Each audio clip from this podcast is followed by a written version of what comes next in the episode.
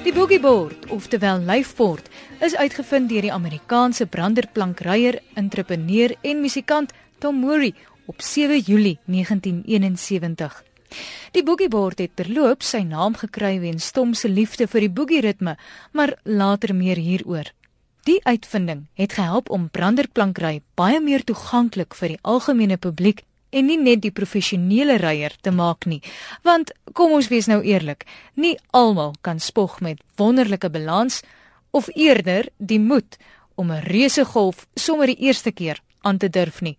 Maar met die lyfbord, 'n lekker speelding vir die strand, kan die meeste van ons darm onmiddellik 'n golf of liewer golfie aandurf. Serving, serving USA. Murray kry die idee vir die boogieboard in 1960, toe hy as 30-jarige die droomlewe van 'n branderplankryer in Hawaii leef.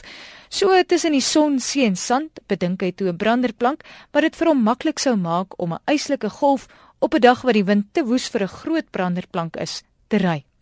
'n Korter branderplank sou hiermee help en ek seker sy graad in wiskunde het ook hier handig te pas gekom vir die afmetings van sy boogie.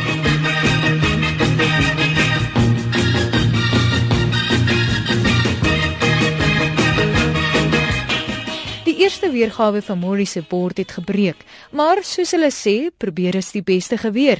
Hy het uiteindelik uitgevind dat hy die skuimmateriaal van die boogiebord kan vorm deur koerant daarop te sit en met 'n strykyster te stryk.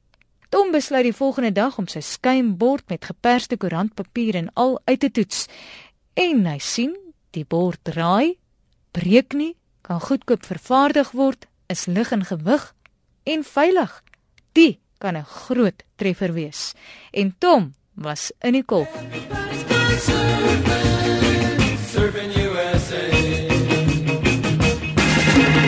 Oor die naam Boogie, Tom het gesê Boogie gee so 'n lekker gevoel as jy dit hoor. Wanneer mense die woord Boogie sê, dan ontspan hulle en is lekker. En die belofte, sê hy, is dat jy gaan boogie. Dankie Tom vir die boogie.